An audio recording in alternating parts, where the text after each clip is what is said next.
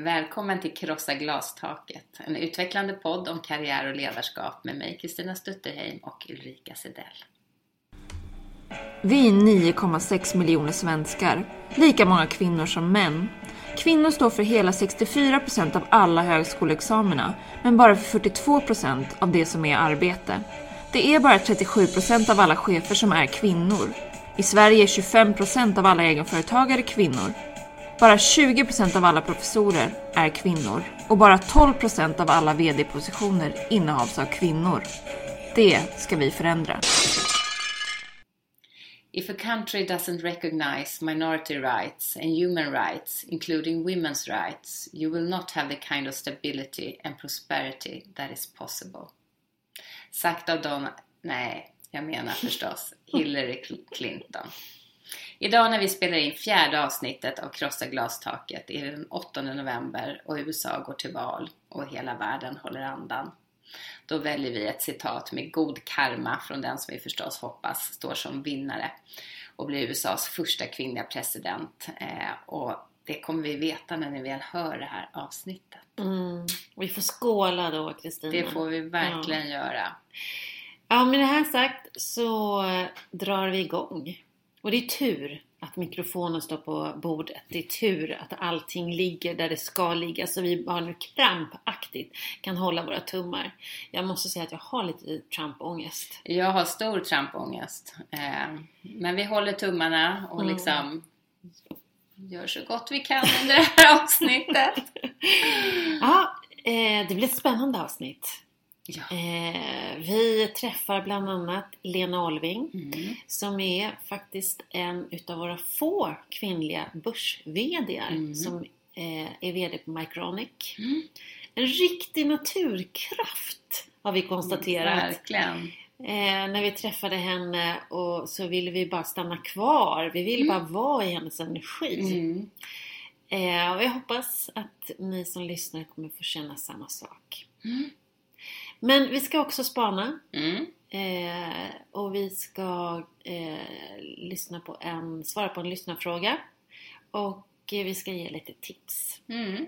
Och temat kan väl sägas lite grann den här gången. Det är att faktiskt eh, identifiera din spelplan.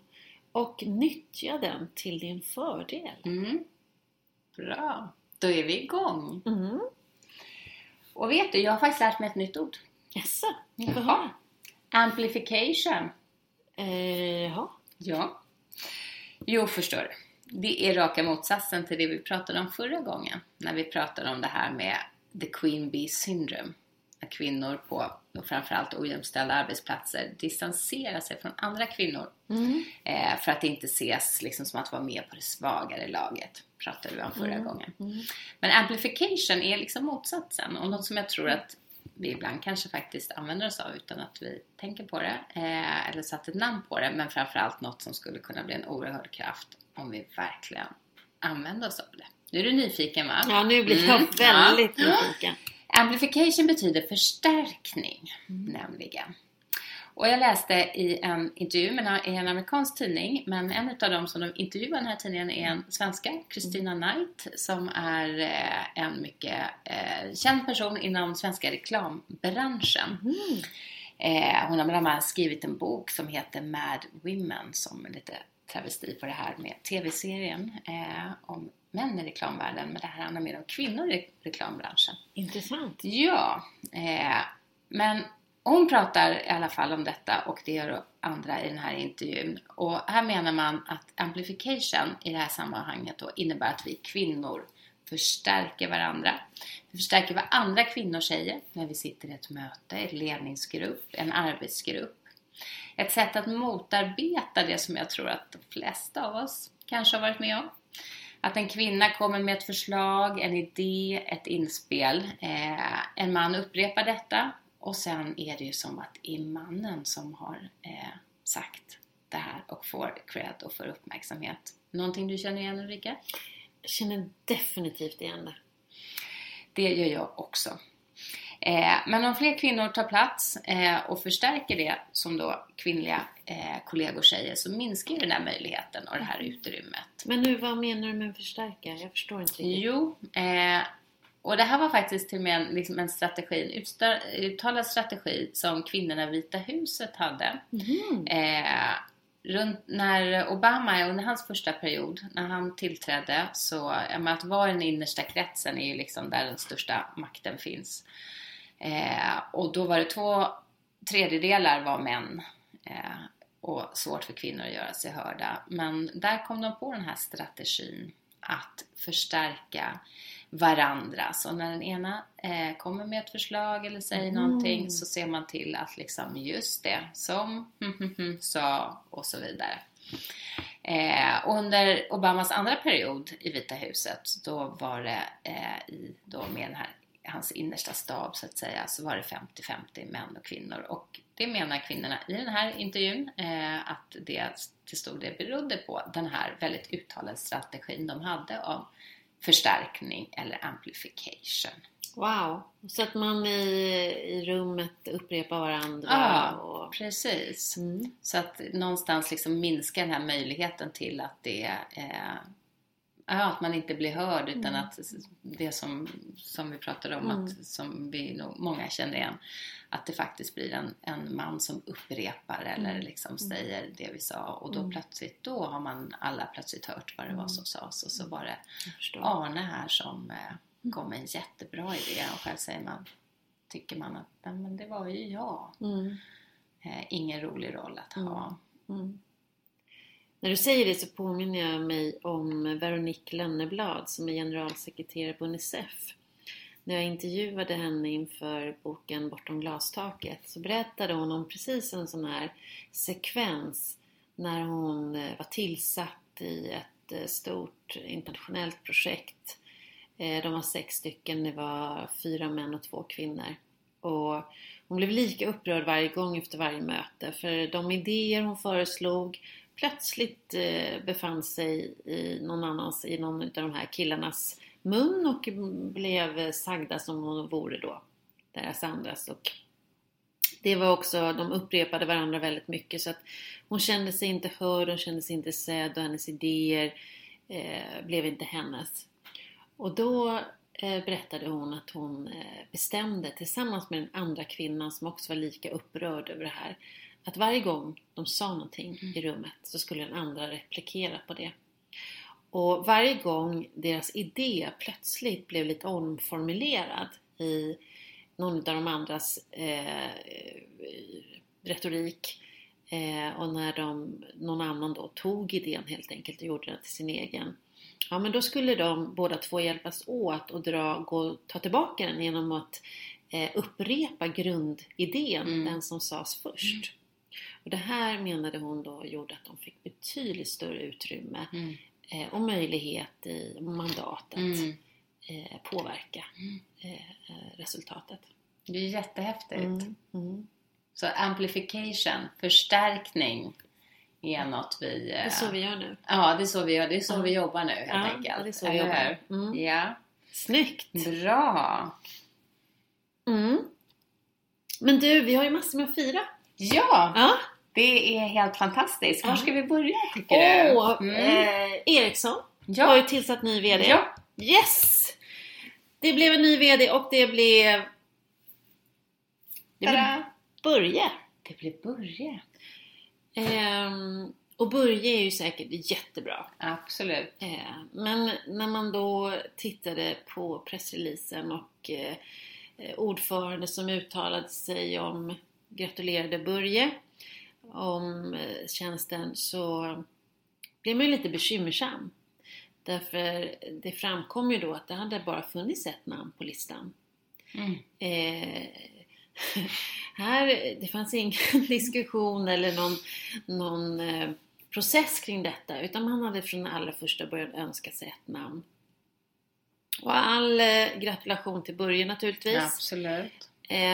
Eh, men någonting som jag noterade och funderade rätt mycket på eh, Dels hade det bara fanns ett namn. Mm. Det fanns inte ens en, en, eh, en, ett intresse av att leta efter alternativ.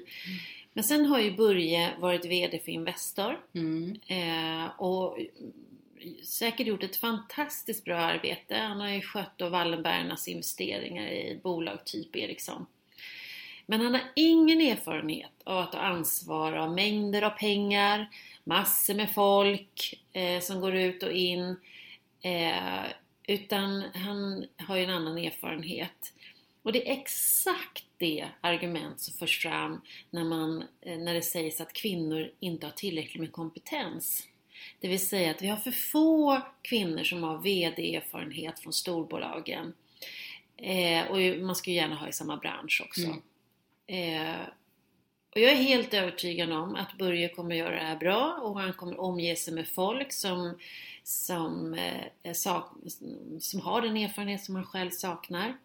Men notera ska att inte i något sammanhang som jag har läst i alla fall eh, har det här tagits upp som någon issue eller någon, mm. någon fråga. Men det görs alltid det mm. eh, kring att man inte rekryterar in kvinnor till de här storbolagen. Mm. Så jag vet inte. Grattis Börje! Absolut! Men eh, trist. Men trist. Eh, och eh, vi fortsätter att fascineras. Men eh, har vi något mer att fira? Ja, men vi har ju det. Ja, men förhoppningsvis, vi tjatar om det här, förhoppningsvis får vi ju snart fira att eh, det har krossats glastak i USA. 200 år av eh, manligt presidentskap. Men eh, innan vi förhoppningsvis får fira det, då ska vi också fira att tidningen Glamour mm. har utsett The Woman of the Year. Oj! Någonting som de eh, gör då varje år. Höra? Ja. Eh, ja, och det är ju ändå rätt häftigt. Man tänker att det finns typ 3,5 miljard kvinnor i världen. Eh, så det finns lite att välja bland, eller hur? Mm. Och att liksom... Jag kan tänka mig några. Eller hur? Ja. Och vara kvinnan som då, eller liksom den som toppar här, mm. är ju helt fantastiskt. Då skålar eh, vi för henne tycker det jag. Det gör vi. Så det är trumvirvel, ah. det är fanfarer. Och vem var det som fick det i år? Ah. Jo! Bono! Nej men vänta.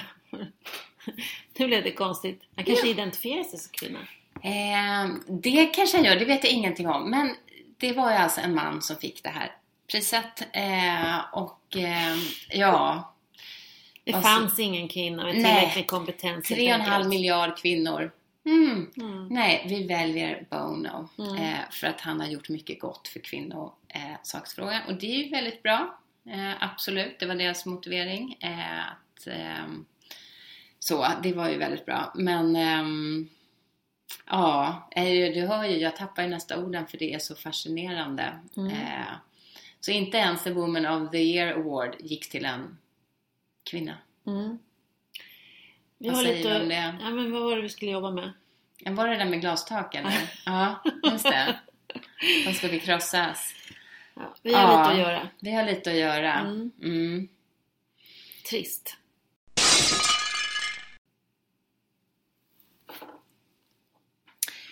Du! Ja?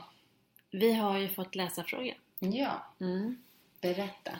Eh, jo, det är så här.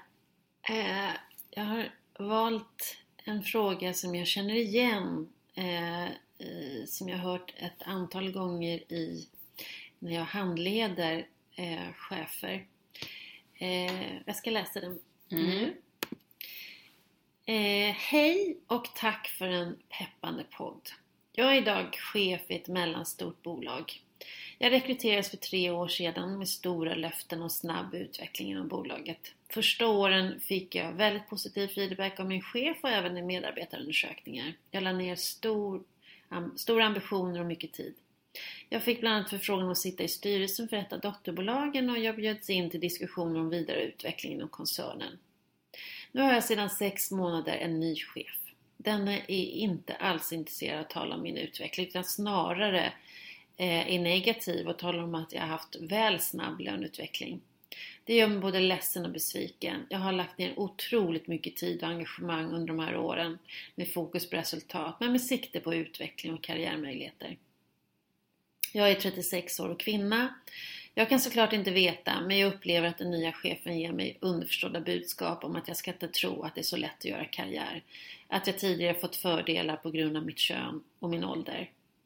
När vi vid vårt senaste möte tog upp och hänvisade till tidigare diskussioner om min utveckling inom bolaget så får jag tillbaka att jag gör ju inte allt perfekt. Jag måste först visa vad jag kan för att sen diskutera utveckling. Jag har visat vad jag kan. Jag vill inte runda min chef, det tror jag inte gagnar mig. Eh, jag vill inte heller finna mig i att mina förutsättningar plötsligt blivit helt annorlunda än det som tidigare sagts. Jag vet att jag har gjort ett bra resultat. Vad vill ni råda mig? Hmm. Mm. Och som du sa, det här är, är något som du stöter på. Mm. Jag tycker att jag stöter på det ganska så ofta i min handledning.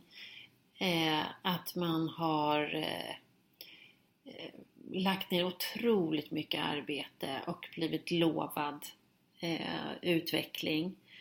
Och sen så dyker det upp en ny person. Det kan också vara en ny ägare ibland. Men en ny person, en ny chef och sen så försvinner allt det som är sagt. Och det kan ju, vi vet ju ingen kontext i det här. Det kan ju bero på massor med möjligheter. Så att jag tänker, eh, mitt råd skulle vara det att först ta reda på när den här chefen säger att du måste ju först göra det perfekt. Ta reda på vad perfekt är. Mm. Ta reda på vad, vad det är faktiskt chefen antyder att hon inte har gjort Mm. eller inte levererat. Vad är det som ska göras bättre? Mm. Eh, och försök förstå vad, vad chefen vill. För det kan ju finnas att chefen har sett någonting som behöver eh, sättas på plats och så. Eh, men sen om det nu är så som hon upplever det. Mm. Att det handlar inte om resultatet. Det handlar inte om det hon gör. Det handlar om vem hon är. Eh, och så är det ju ibland. Mm. Eh, vi har ju ofta gått tillbaka till statistiken om att i Sverige är kvinnor oerhört mycket mer välutbildade generellt sett än vad män är. Ändå så når de så få toppositioner. Eh, Om det nu är så att hindret handlar om vem hon är och inte det hon gör. eh, Konstaterar hon det, då är det faktiskt ingenting annat att göra än att lämna. Att eh, söka sig vidare till en ny chef. För då sitter ju glastaket i den här chefens Mm. beteende. Och det är ju himla trist. Mm. Eh, men sånt händer. Mm. Eh, och ibland så får man ett stolpskott till chef. Eh, och då kan man ju ibland vänta ut tills någon annan ser det här också. Men det brukar ta alldeles för lång tid. Mm. Så att mitt råd är först eh, gå in förutsättningslöst och försöka förstå eh, vad det här handlar om. Vad är perfekt? Vad är eh, eventuella, eventuell kritik i hennes leverans? Och vad är det hon behöver göra bättre utifrån chefens perspektiv? Och också gör det mätbart. Så att man också kan se, har jag uppnått det nu Mm. eller inte? Och går det inte att förstå, sök dig vidare. Mm. Eh, Lägg inte mer ner, lägg inte mer, ner, mer tid på detta, tänker jag. Vad tänker du Kristina? Jag tycker det låter klokt. Jag känner igen mig. Jag kom på när vi pratade om det här att jag har varit med om liknande jag Mm. bodde i USA. Mm. Eh, så att eh, jag tror också att min känsla då var att nej, här kommer jag inte komma vidare. Då Mm. hade jag ju turen att redan ha ett annat jobb på gång. Mm. Men det var precis så. Det ändrades premisser och plötsligt hade jag två manliga chefer över mig. Och när jag kom till jobbet på morgonen så låg det små sekreteraruppgifter på mitt bord Mm. som inte hade något att göra med min roll som marknadschef. Mm. Eh, och där bestämde jag mig rätt snabbt, eller förstod att det här kommer inte, Mm. här ska jag inte ödsla min tid för det Mm. kommer aldrig, jag kommer inte kunna rå på de här två Mm. grabbarna grus. Mm. Eh, så att eh, jag tror att det är ett klokt råd du ger, Mm. verkligen. Bra! Men eh, då ska vi bege oss iväg och träffa Lena Olving Det ska vi. på hennes kontor. Eh, vi tog oss till Täby Mm. I snöstorm. Snöstorm. Eh, dessutom bärandes på en helskes massa eh, böcker bortom glastaket för jag skulle vidare och föreläsa efteråt. Eh, men Lena Olving är alltså VD på teknikbolaget Mygronic, ett börsnoterat bolag. Och där har hon varit sedan 2003. Hon är civilingenjör. Hon har haft en mängd ledande befattningar sedan tidigare. Eh, bland annat på Volvo personvagnar i fem år i Asien. Eh, och åtta år i koncernledningen för mig. Eh, hon har också varit ställföreträdande koncernchef på Saab i fyra och ett halvt år. Så nu besöker vi Täby. Ja.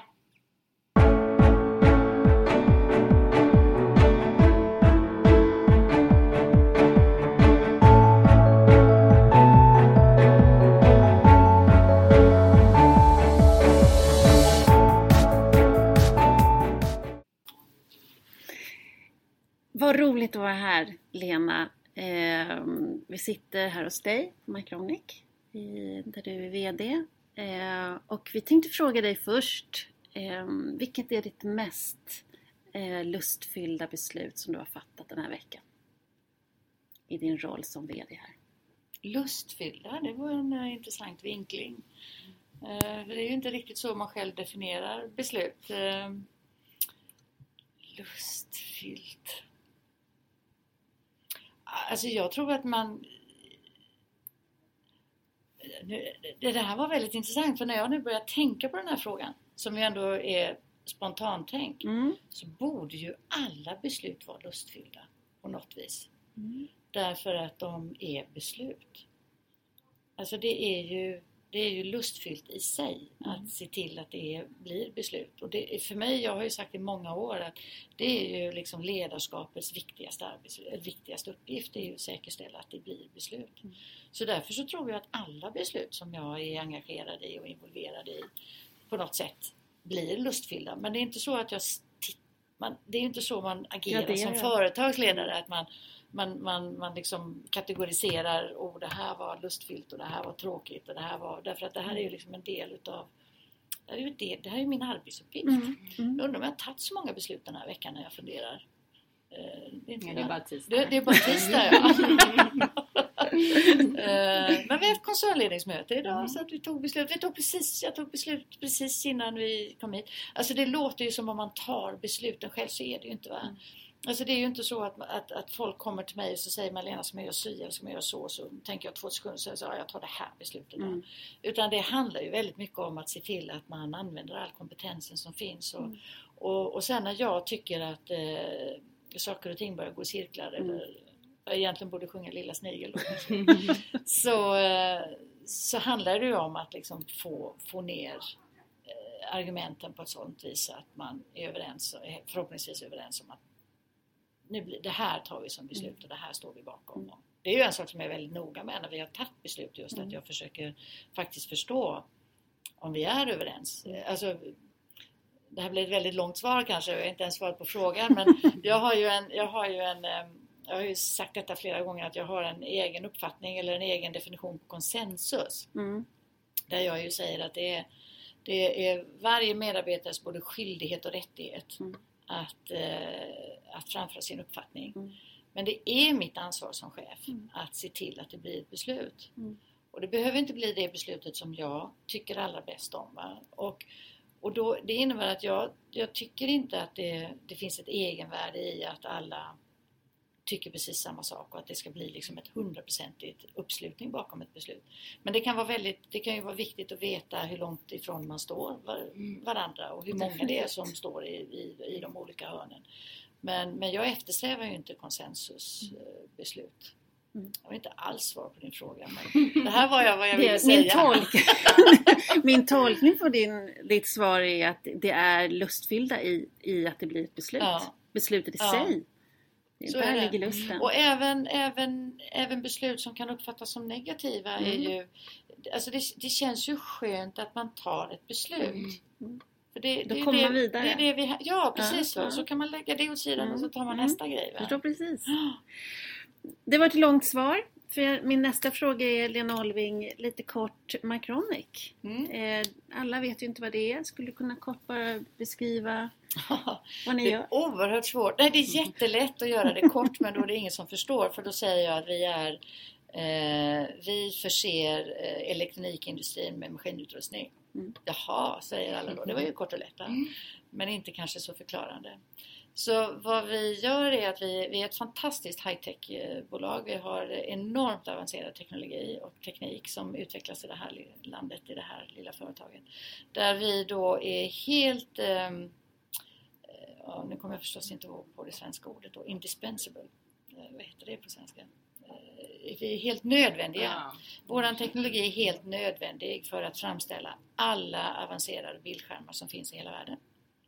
Som är det ena av vårt eh, affärsområde och i vårt andra affärsområde så gör vi helt unik maskinutrustning för att kunna tillverka kretskort. Wow! Ja, precis. Wow. Så vi också är ensamma i världen. Mm. Och hur stora är ni? Ja, vi är inte så många anställda. Vi är 550 anställda ungefär globalt Mm. och vi omsätter, vi säger att vi ska omsätta i år ungefär 1,9 miljarder. Mm. Och eh, det är ungefär en fördubbling eh, sedan jag tillträdde för tre år sedan. Wow! Jag läste någonting om det i Dagens Industri här för ett tag sedan. Att du, det går fort här. Eh, Ja, men och det är, lite kul för att vi Det har en fördubbling, en fördubbling av eh, omsättningen. Vi har en sjudubblingen av rörelseresultatet och vi har inte just nu, men precis eh, för två veckor sedan så hade vi en tiodubbling eller vad det kan heta eh, av eh, market cap. Så att, eh, jag, brukar Wow. säga, jag brukar säga att vi gör många eh, rätt saker men vi gör dem också, vi gör också sakerna rätt. Mm. Mm. Härligt. Mm. Jag har haft förmånen att se dig eh, ett par gånger på scen. Oj då. Ja, nej, det, har varit, det har varit wow. Eh, och när jag har läst om dig och så, så slås jag ju verkligen av det här att du är en sån, sån naturkraft. Force of nature. Jag var jätteinspirerad. Eh, och jag är jättenyfiken på var kommer den här kraften ifrån? Det är någonstans liksom att allt är möjligt, nu kör vi, får man en känsla av. Var kommer den här kraften och den inställningen ifrån? Inställningen vet jag exakt var den kommer ifrån. Den Mm. kommer från eh, våran mamma eh, som eh, tutade i oss barn. Mina föräldrar är flyktingar under andra världskriget. Och eh, min mamma har alltid eh, försett oss barn med en, en uppfattning då om att allt är omöjligt. Alltså, vi, hade ju ett, vi, vi, vi gnabbas ju vi syskon om vem det är egentligen som hittade på uttrycket hur svårt kan det vara. Eh, Men det är, det är vår mamma som alltid sa det och vi, vi har, vi, både jag och mina syskon, vi har en Går det inte på det ena sättet så går det på det andra sättet och det finns alltid ett sätt. Mm. Eh, och det är bara att, att pröva sig fram. Men hur det kommer sig att jag vaknar varje morgon med så här extremt mycket energi som dessutom håller i sig hela dagen. Jag är liksom aldrig trött. Va? Eh, det är ju bara något som liksom kommer födseln. Det, bara, Mm. det bara finns där och, och eh, när, när vi ska ha semester, jag och min man, så, så brukar han sucka på fredagskvällen och så, så säger han Ja, nu ska vi ha semester, säger han. Ja, säger jag, vad roligt, säger jag. Ja, var är arbetslistan, säger Ja. han. Då tror han att vi ska på arbetsläger. Ja. Men hur, hur använder du av det här i ditt ledarskap? Hur tar det sig uttryck där? Jag tror att man eh, eh, känner väldigt tydligt när man arbetar tillsammans med mig vad jag tror på. Eh, att jag tror på alltså, människors inneboende vilja att göra rätt saker. Eh, att, att människor faktiskt, eh, även om det blir fel ibland så, så, så finns det alltid ett, ett gott syfte i det man vill göra. Och att, jag, jag tror att det är väldigt tydligt, eller jag vet att det är tydligt att, att jag inte är den typen av chef som säger här får du en arbetsuppgift, den är jättesvår, gå och gör den. Utan jag säger att Hör du, nu har vi den här utmaningen eh, och, och, och det finns ju massor med olika sätt att göra det här på men det, det, det, du, det är du som ska vara ansvarig för det här men behöver du min hjälp så, så, så, så står jag till, till, ditt, till, din till ditt förfogande.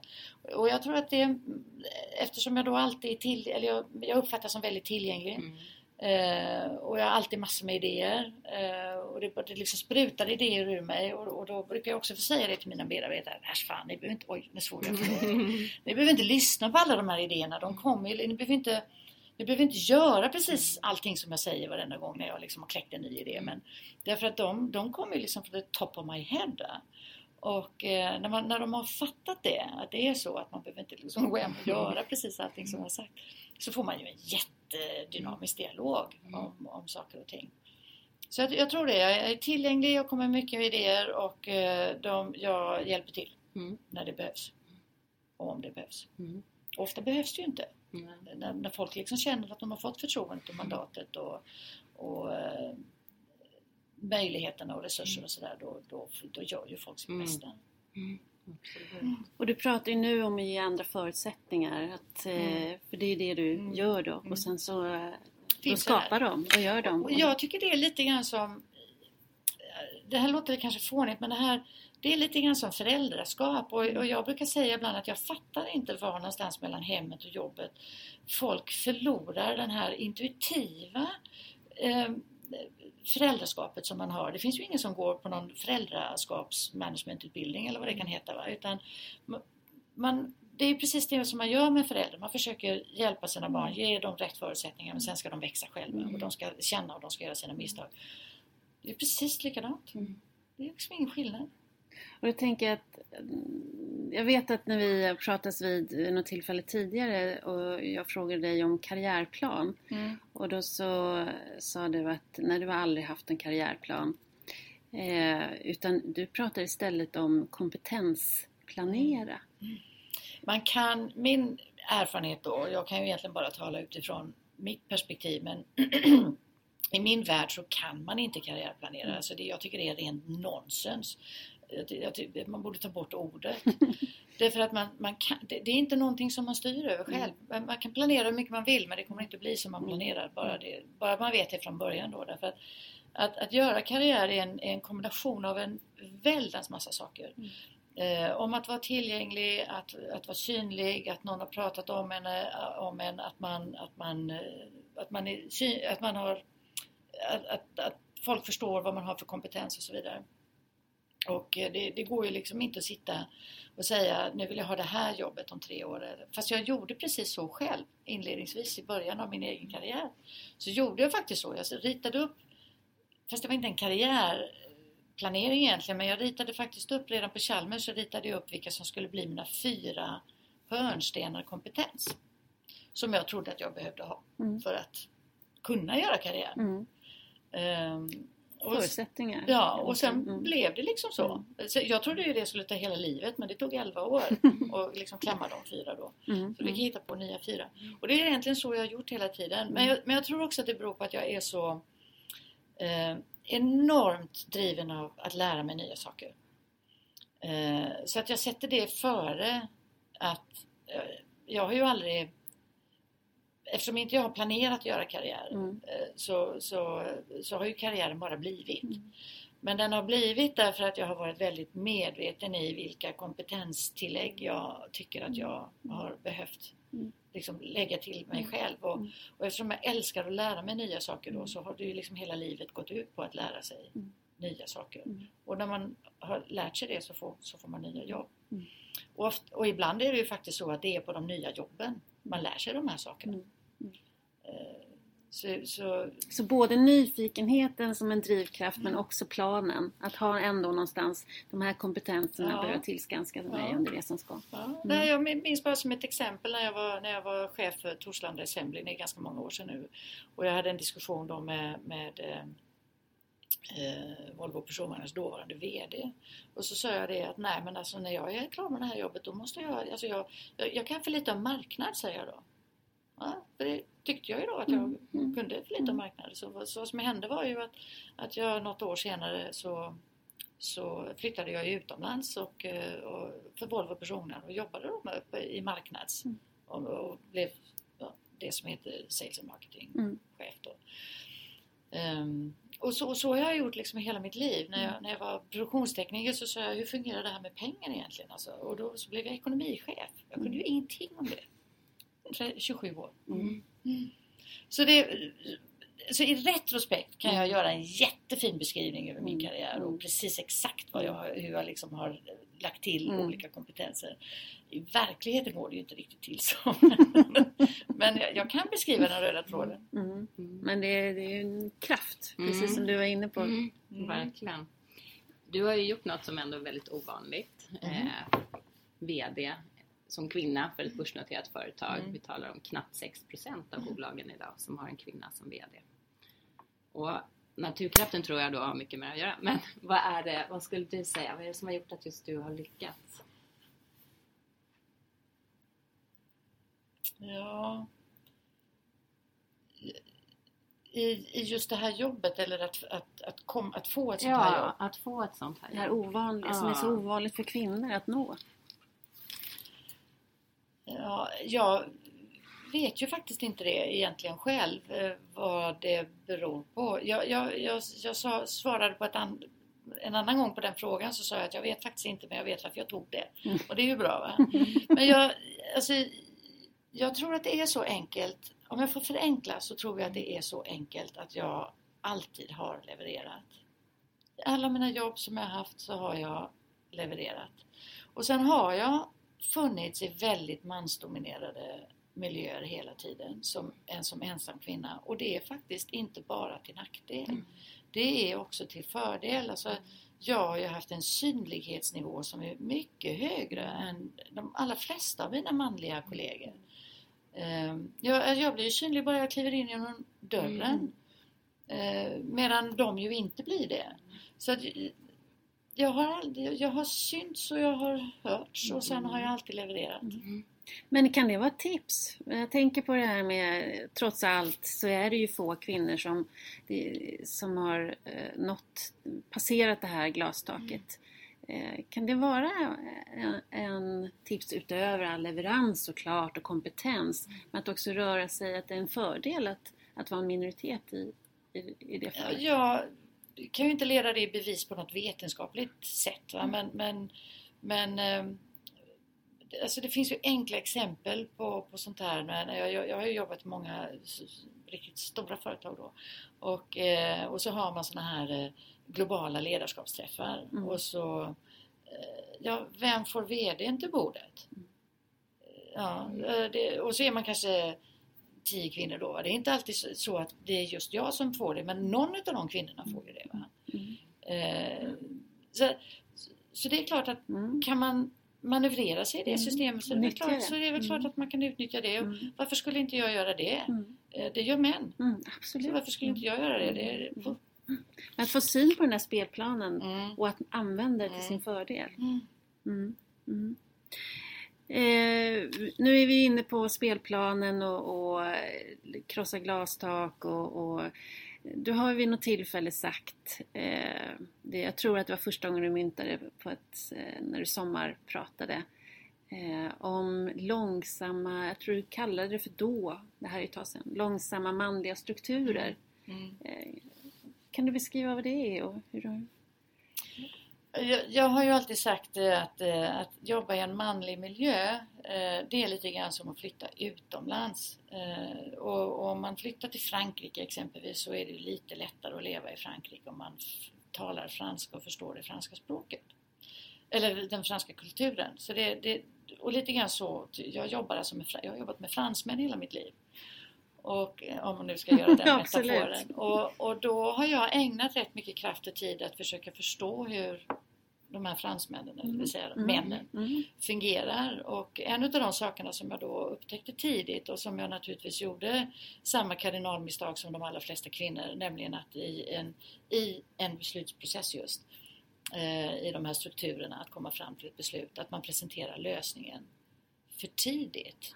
Det, det vill säga, inte för tidigt utifrån mitt perspektiv, men för tidigt utifrån hur, som jag upplevde att män behövde processa sig igenom eh, för att komma till det här beslutet. Och, och ofta var det ju faktiskt också så att, att när de väl kom till ett beslut så var det ju just det förslaget som jag hade sagt kanske 28 minuter tidigare. Då. Så jag lärde mig tidigt och den hårda vägen att eh, man måste vänta in. Man måste vänta in rätt tillfälle och ta sin space och komma med, med, med förslaget. Då. Och, och vad sker de där 28 minuterna blir jag nyfiken på då. Ja, det är ju då jag, det är då jag eh, faktiskt inte lutar mig tillbaks och ser ut som jag sover utan jag sitter, jag, jag brukar sitta väldigt långt fram på stolen och, och ha armbågarna på bordet och lyssna väldigt uppmärksamt. Mm. Jag ser väldigt, väldigt engagerad ut. Mm. Men i huvudet så sjunger jag Lilla snigel akta dig Mm. om och om igen för att inte för tidigt säga Kliva så- in. Kliva in ja. Och vad pågår i rummet medan du sitter där och tänker Ja, på det snigeln? pågår ju det som jag tycker då att man gör alldeles för mycket, nämligen att eh, en man säger att eh, jag vill inte förlänga debatten men eh, och nästa man säger jag håller helt med Kalle och jag vill bara och, och egentligen så adderas det inget värde eh, i själva Mm. Mm. I, alltså i, i beslutsprocessen. Mm. Men det är en struktur som de Mm. måste gå igenom. Mm. Av- Och, och jag har bara accepterat att det är Mm. så. Mm. Jag tror nämligen att om man sätter en ensam man i den Mm. kvinnliga strukturen Mm. så kommer de inte förstå Mm, heller. Vi absolut. pratar i mun på varandra och ingen lyssnar på någon. Mm. Och det, det liksom verkar vara ett kackel, tycker de. Va? Mm. Ehm, och det, är- det är liksom subgrupperingar och, och alltihopa sker samtidigt. Och någon talar i telefon. Eh, och, och, och de förstår ju inte det heller. Hur, hur, hur beter man sig i en sån gruppering? Och det, ehm, så jag hoppas att män liksom förstår att de kanske också måste hitta ett sätt då. Mm. Mm. Mm. Mm. Jag tänker på ordet makt Mm. som jag förstår att du inte tvekar att Använda. använda. Mm. Eh, och som ju många kanske tvekar att använda eller i alla fall vara tydliga med att man både vill ha eller till och med Mm. drivs av. Och sådär. Hur tänker du kring det och varför är det inte svårt för dig att vara tydlig med? Eh, Därför att jag, jag det ligger i sakens natur, alltså det ligger i, i ledar och chefsrollen att det finns ett maktbegrepp inbyggt strukturellt. Och det kan man bara inte avstå från att säga att det inte finns. Eh, och, och jag tycker inte heller att man ska ludda in det genom att säga att man vill, man vill påverka och vad det nu är. Man har, man sitter med en reell makt eh, och den ska man använda på ett konstruktivt och bra sätt. Det handlar ju inte om att vara destruktiv i sitt Mm. maktutövande utan det handlar ju om att använda den här makten på det sättet som är till nytta då för vad det nu är. Va? Mm. Aktieägarna, Mm. medarbetarna, Mm. alla stakeholders och så vidare. Va? Så jag, jag förstår inte varför eh, Alltså jag förstår inte varför man ska låtsas att det inte att, att, att liksom maktbegreppet inte är inbyggt i strukturen när den Mm. är det från början. Alltså en, Mm. en hierarki är Mm. en, en maktstruktur. End of story. Mm. Och det är väldigt skönt, tycker jag, att du pratar om makt på det sättet. Och att det är, för det, den är ju värdeladdat, ordet. I Sverige i alla fall. Jo, men det beror väl på att man utgår ifrån att man utövar makten på ett felaktigt exakt, sätt. exakt. Jag utgår ifrån att man utövar makten på ett korrekt och, och, och, och bra sätt. Mm, mm. Hur får du eh, hur får du andra kvinnor i din omgivning, kvinnliga chefer och sådär där du arbetar och så. Hur får, eh, gör du någonting för att få dem att känna samma positiva känsla gentemot ordet makt och ta för sig eller ta sig an? Ja, eh, jag vet inte om, man gör, om jag gör särskilt mycket saker för kvinnor just. Mm. Alltså det, det jag gör med kvinnor det är ju att hi, försöka hitta dem. Mm. Eh, och premiera och promota och, och så vidare. Va? Eh, och, le, och, verkligen leta ordentligt. Mm. Men sen när de väl är där så Mm. tror jag inte att jag behandlar kvinnorna Mm. annorlunda än vad jag Mm. behandlar män Mm. faktiskt. Jag Mm. tycker det är lika viktigt att alla medarbetare förstår vad de har för mandat och, och vad de har för inneboende styrkor. Och, och jag, jag är ju väldigt frikostig med feedback. Det kan, man ju, kan ju en del tycka är väldigt eh, jobbigt. Ehm, Men jag tycker det, det är en del av mitt ansvar också. Det ligger ju jättemycket ansvar i chefsrollen. Och jag backar inte på någon, någon, utav, någon utav det. Men jag tror att jag ger ganska mycket kraft till alla mina medarbetare och att de känner att de, att de känner att jag litar på dem. Mm. Eh, och de som jag inte litar på, Mm. de märker det direkt därför att jag blir småskollärarinna då. Mm. Och då säger jag det, nu blir jag småskollärarinna. För då börjar jag plötsligt fråga, va? Mm. Och hur kommer de att leverera och kommer jag få Mm. den där rapporten och är den verkligen klar och, Mm. och, och så. Mm. Ehm, så det är ju också ett sätt att ge feedback i och Mm. för sig. Fast- Definitivt. ja. Det är ju lite av att dra in mandatet genom Ja. att ge sig in i Ja, detaljerna. Precis, va? och Absolut. sitta på axeln och sådär. Va? Så Mm, att det, mm. Mm, men det här, eh, jag tycker det är fascinerande ändå det här med, med eh, att det är en sån härlig positiv känsla att ta ansvar, för makt är ju ansvar. Eh, och jag är ändå nyfiken på hur du sprider det i din organisation, oavsett om det är kvinnor eller män, att det här positiva ansvarstagandet Mm. av mandatet, makten eller Mm. vilket ord man vill använda. Är det någonting som ni använder er av i era ledarutvecklingar eller så?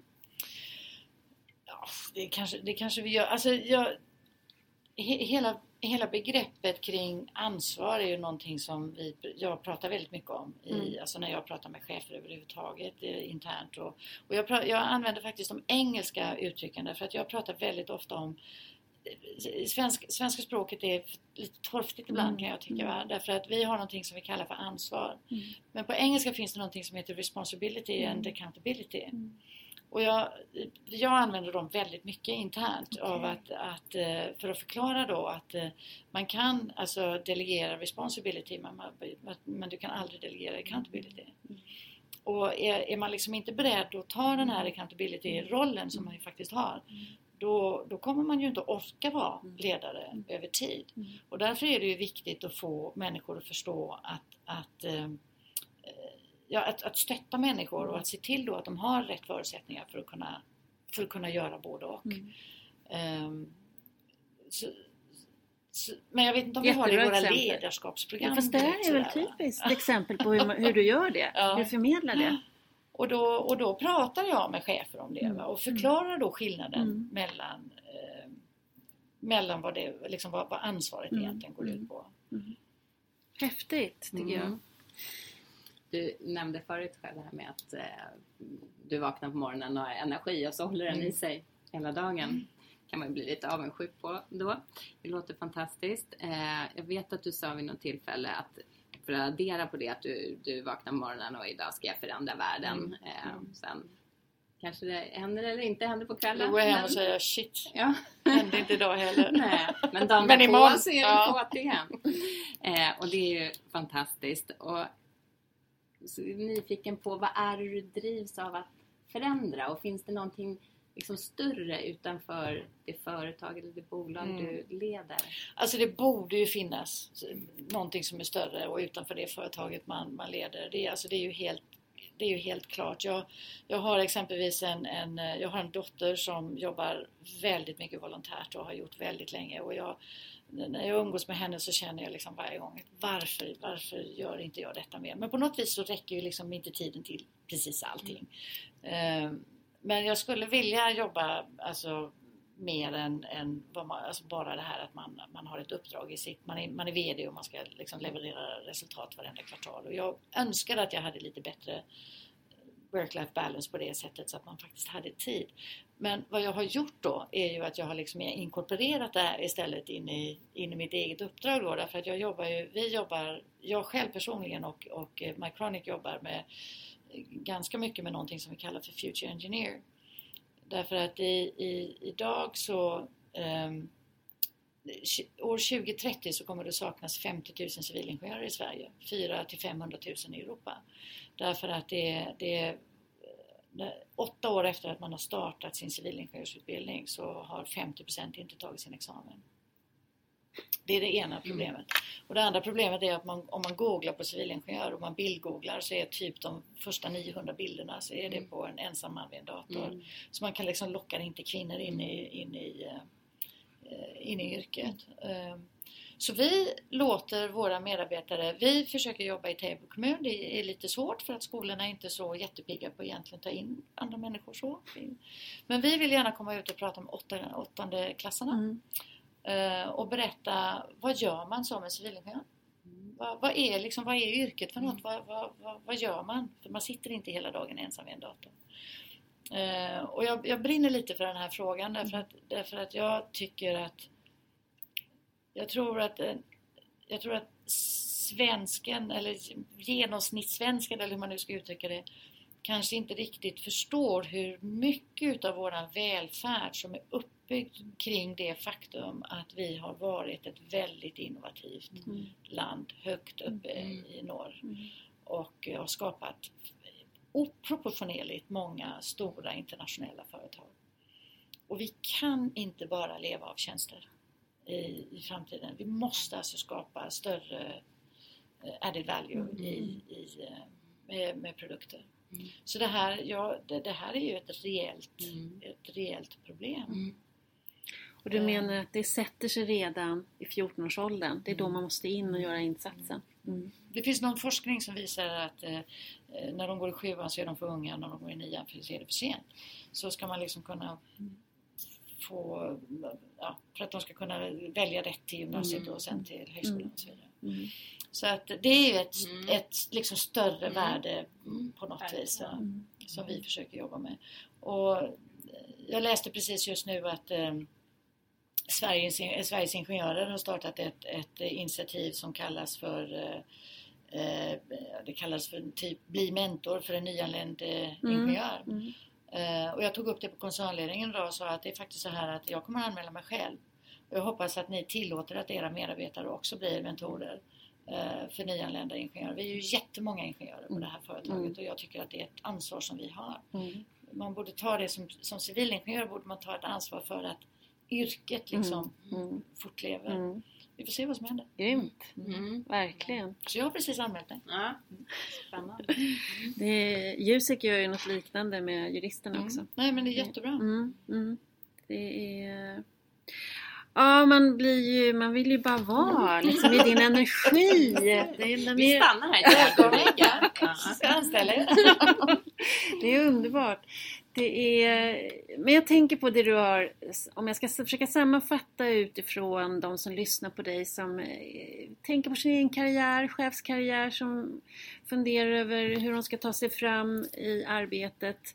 Så det jag hör dig säga det är att eh, lära dig spelplanen. Mm. Använd den till din Mm. fördel, den är inte bara en nackdel. Mm. Det finns en hel del fördelar med den också.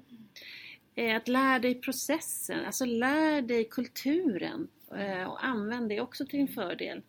Eh, Och lär dig att tolka den. Ehm, Utbildning naturligtvis, gärna ingenjör är ju en fördel då. Mm. Finns det andra kompetensplanering jag varit inne på? Finns det någonting som du skulle vilja skicka med?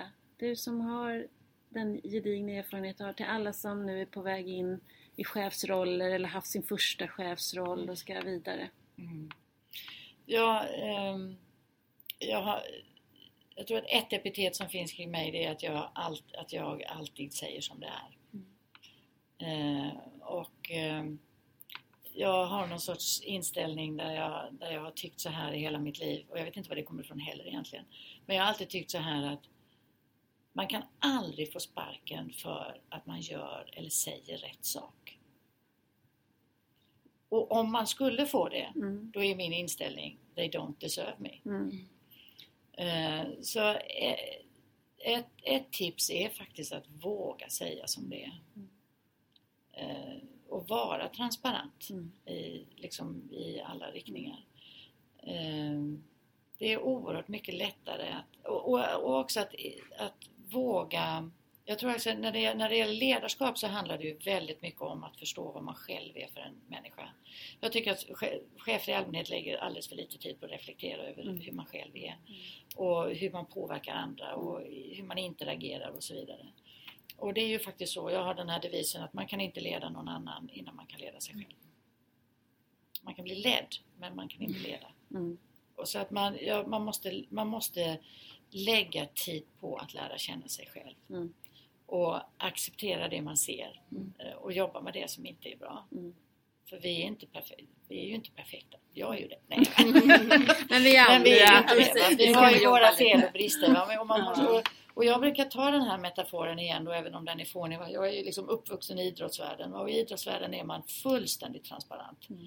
om sin egen performance. Alltid. Va? Mm. Och man är det inte för att trycka ner sig själv utan man är det för att man måste kunna hitta ett sätt att Mm. göra saker bättre. Mm. Så att man måste lä- lära, känna, man måste lära sig känna sig själv Mm. och lägga tid på det och reflektera över det. Mm. Gör du det? Jag reflekterar väldigt mycket. Jag har i hela mitt liv, sedan jag började arbeta, så ställer jag tre frågor. Jag gör liksom bokslut varje dag. Genom att ställa tre stycken frågor till mig själv. Och den första frågan är alltid, vad har jag, har, har jag gjort? Har jag varit till nytta idag? Mm.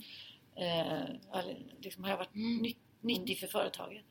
Och det andra är därför att jag drivs av det här att jag alltid, men jag tror att man alltid kan göra saker bättre. Så att det är liksom min nästa fråga. Det är ju, aha, i retrospekt, vad kunde jag ha gjort bättre Mm. eller annorlunda?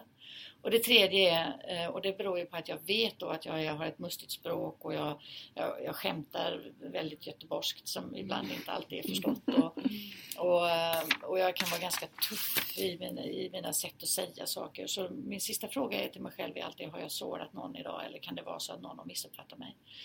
Och det händer mer än, ja det har hänt mer än en gång att jag ringer då nästa morgon och säger, hör du Pelle, eh, det där, det, det var väl inte så att du missförstod mig eller be, behöver jag förklara vad jag egentligen menar och sådär. Eh, och det hänger ihop med att jag vet, jag vet att jag säger jättekonstiga saker ibland. Eller liksom, eh, jag säger saker på ett sätt som jag är väldigt tydlig. Jag vet att alla tycker att jag är supertydlig. Va? Det går liksom inte att missförstå mig. Men, Mm. men, men eh, eftersom jag är så energisk då, och eh, inte rädd för någonting eh, så, så kan jag ibland säga saker på fel sätt. Eh, som, och, och, jag, och alla uppskattar ju inte alla är ju inte vana vid att få liksom sanningen kastad i ansiktet Mm. på sig. Va? Eh, Och då får man hantera det. Mm. Och då vet jag ju att jag är sån och då, Mm. då måste jag göra ett litet bokslut på... Ja. Mm. Mm. Och då får man krypa till korset och säga fan det var inte så bra men eh, nu ringer jag. Mm. Och när du nu har upptäckt, om du skulle ha gjort det vid något tillfälle, där, du, där den här personen ger dig feedback, ja jag blev faktiskt sårad eller Mm. det här kändes Mm. jag känner mig obekväm eller sådär. Kan du känna då, ja men då reder vi ut det och sen slänger du åt sidan? Eller är det, är det någonting Nej, som men det kvar då? lustiga är, det jättelustiga är, jag har, det är att det är inte riktigt så det händer utan vad som händer när man säger Åh, man ringer till Pelle och säger, eller går till Pelle och säger Pelle, sårade jag dig igår? Eller kändes det konstigt när jag sa det här? Va? Då, då är nästan alltid reaktionen att nej men det, det var ingen fara. För det där är lite grann som visa strupen, va? som hundarna gör. Liksom så att man visar att man var dum, det, det, that's enough. Va? Mm.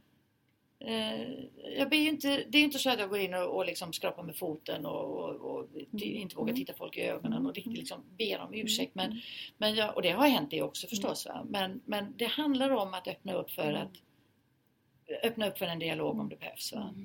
Men min erfarenhet är att det behövs inte.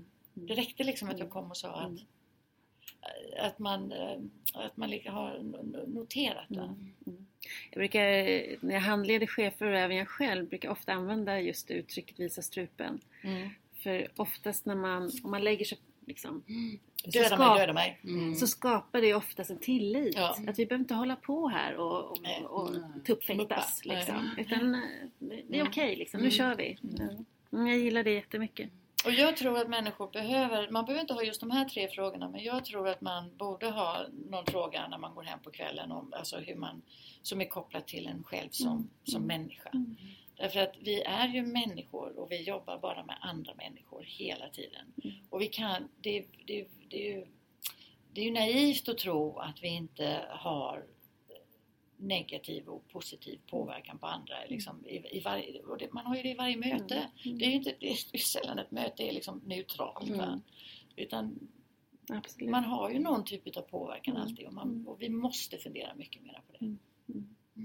Tycker jag är en jättebra avslutning. Verkligen. Att mer reflektera Mm. över sina egna. Just du i ditt fall handlar det om hur du kan kommunicera ibland. Vi- Alla andra har ju sina. Att eh, ha insikt om det och att eh, fundera över hur jag kvalitetssäkrar mina då. Det som kan ligga mig i fatet. Ett dagligt bok. Och att man gör det bokslut. varje dag. Mm, det är det som är precis. hela poängen. Ja, det. Inga kvartalsbokslut Nej, här. Nej, Nej. precis. Nej, det Ja, är bra då- avslut. Ja, Mm. då får vi tacka. Ja, Mm. tack så Tack så mycket Tack så mycket. Tack. sitter vi faktiskt hemma hos dig Kristina. Ja, I ditt det kök. gör vi. Fortfarande på Södermalm. Fortfarande. Fortfarande ett kök. Men den här gången i mitt kök. Ja, ja. Mm. Och eh, hemma i mitt kök så är det valvaka. Mm. eh, och fullt liv. Och det är knappt jag vågar titta på rapporterna. Ehm, men du, Mm. lite tips Mm. eh, som vi brukar utlova. Och när vi pratar med Lena, jag tycker ett tips som hon hade eh, tycker jag var riktigt bra. Det dagliga bokslutet. Mm. Ja, jag blev jätteinspirerad Mm. av det. Hon ställer sig tre frågor varje dag i slutet av dagen eller när hon beger sig från jobbet. Och det skulle vi vilja Mm. eh, inspirera er andra att göra också. Sen får man se vilka frågor det är som passar en Mm. själv. Men vad jag har gjort bra idag, Mm. vad kunde jag göra bättre? Det är väl en Den känns rätt allmängiltiga, Ja. absolut. Och sen den tredje, att kvalitetssäkra sin egen, vad man ska kalla det för. Jag är lite osäker på att man kan kanske eh, behöva bli bättre på. Mm. som i hennes fall när hon tog upp att hon ibland kan bli lite plump Just det. och lite för rak. Vad skulle du, om du skulle ställa tre frågor, har du funderat på det? Oj. ehm, ja, men jag, mm, jag skulle ju säga de två första som du sa. Vad har jag gjort idag? Vad kunde jag gjort, eller vad kunde jag gjort bättre? Eh, vad är jag nöjd med? Det tror jag är jätteviktigt. Att man också tittar på vad faktiskt eh, eh, vad man kan ha lyckats med. Jag tycker nog, eh, jag upplever kanske inte att jag på samma sätt som Lena är väldigt öppen med att hon mm, säger att det, att det är lätt att det kan bli lite för rakt eller för, Mm. för plumpt eller så. Eh, och riktigt där kanske inte jag är, men jag tror att vi alla kan ringa min sovklocka. Det är din sovklocka igen. Ja, det är jätteroligt. Jag tror att absolut att vi alla som är chefer och leder personal faktiskt kan tänka eh, reflektera över hur har jag bemött eh, mina medarbetare eller ja, framförallt mina medarbetare Mm. eh, och de jag har närmast runt omkring mig. Finns det någonting där som Mm. jag kan göra bättre imorgon eller Mm. behöver tänka på eller adressera. Så den, den tror jag vi alla kan, kan ta till oss. Mm. Mm. Oavsett vår liksom ledar, ledarstil. Det Lena ju också poängterar är att hon verkligen gör detta varje dag. Mm. Så systematiken, inte Mm. lite, det är inget eh, halvårsbokslut eller års, eh, utan varje dag Mm. att man kommer in i den, Mm. den träningen så Mm. att det verkligen får betydelse. Mm. tror jag är jätteviktigt. Jag vet precis vad jag ska börja, måste börja träna på. Ja, vad ska du göra? Den här tredje frågan. Mm. Jag brukar har tänkt på den senaste tiden att eh, när någon föreslår någon idé eller eh, ett initiativ då är min första tanke är alltid att kritiskt granska. Jag ser Mm. alltid problemen Mm. med det. Och det är inte så att jag ser problem som inte finns, jag ser problemen. Men det är det första jag ser istället för Mm. möjligheterna. Så att när jag ser de här problemen så identifierar jag dem och så gör jag en analys över dem och en be- konsekvensbedömning av dem. Eh, och sen tittar jag på möjligheterna. Mm. Och det här skulle jag vilja Mm. ändra på. Mm. Kvalitetssäkra blir snabbare på att se möjligheterna. Just det. Mm. Men Bra. ett annat tips som jag tänker, som jag tycker att Lena, Lena har ju ett väldigt starkt, tycker jag, personligt ledarskap. Mm. Eh, hon är väldigt... Eh, eh, och det säger hon ju också att hon har jobbat mycket med. Att det är viktigt för Mm. henne att reflektera över sig själv och, och att det, det börjar där. Mm. Allt ledarskap börjar där. Och då finns det tre frågor som man kan jobba med. Behöver man inte jobba med varje dag. Mhm. Eh, men tre frågor för att, att identifiera sitt eget eh, personliga ledarskap. Och det är första frågan. Mm. Vart är jag på väg? Mm. Det vill säga min vision. Mm. Vad är min riktning? Eh, vad tror jag på? Mina principer, mina värderingar. Mm. Och till sist, varför finns jag till? Mm. Mitt syfte. Mm. Eller mål kan det också vara. Vad jag vill åstadkomma. Mm. Så varför finns jag till här? Och att ha den abstrakta överblicken ovanför min vardag där jag springer och hämtar och lämnar eller kör matkassar eller sitter och har lönesamtal hela dagen eller vad det nu är. Att Mm. lyfta blicken. Mm. Vart är det jag ska någonstans? Mm. Vad är viktigt för mig? Och då tänker jag hur, hur passar min den arbetssituation eller den roll jag har, Mm. hur lirar det med den här mer abstrakta Mm. visionen? Mm. Är det så du tänker? Så tänker jag. Mm. Eh, men inte bara ehm, mitt arbetsliv utan också helheten. Mm. Mitt hela liv. Mm. Eh, ligger det i linje med mina värderingar, min vision, mitt syfte, mitt mål? Eh, eller har det blivit ett gap här? Mm. Mm. Och tror jag att man håller sig till den här så, så jobbar man ju samtidigt också med sin inre kompass Just det. och med sitt lod. Mm. Så att man eh, slipper tappa det och bli utifrån styrd. Utan Mm. att det här, stå fast vid det. Mm. Mm. Bra. Mm. Härligt.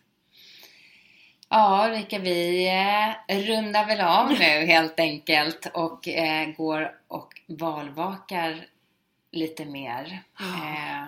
Och tacka för idag. Mm. Och inspirerade är vi av det vi har pratat om, av Lena och av de dagliga boksluten. Så eh, gör dem och eh, kör lite amplification också. Framförallt. Eller hur? Ja, absolut. Så hörs och syns vi om ett tag igen. Ja, det gör vi. Bra, hej! Hej!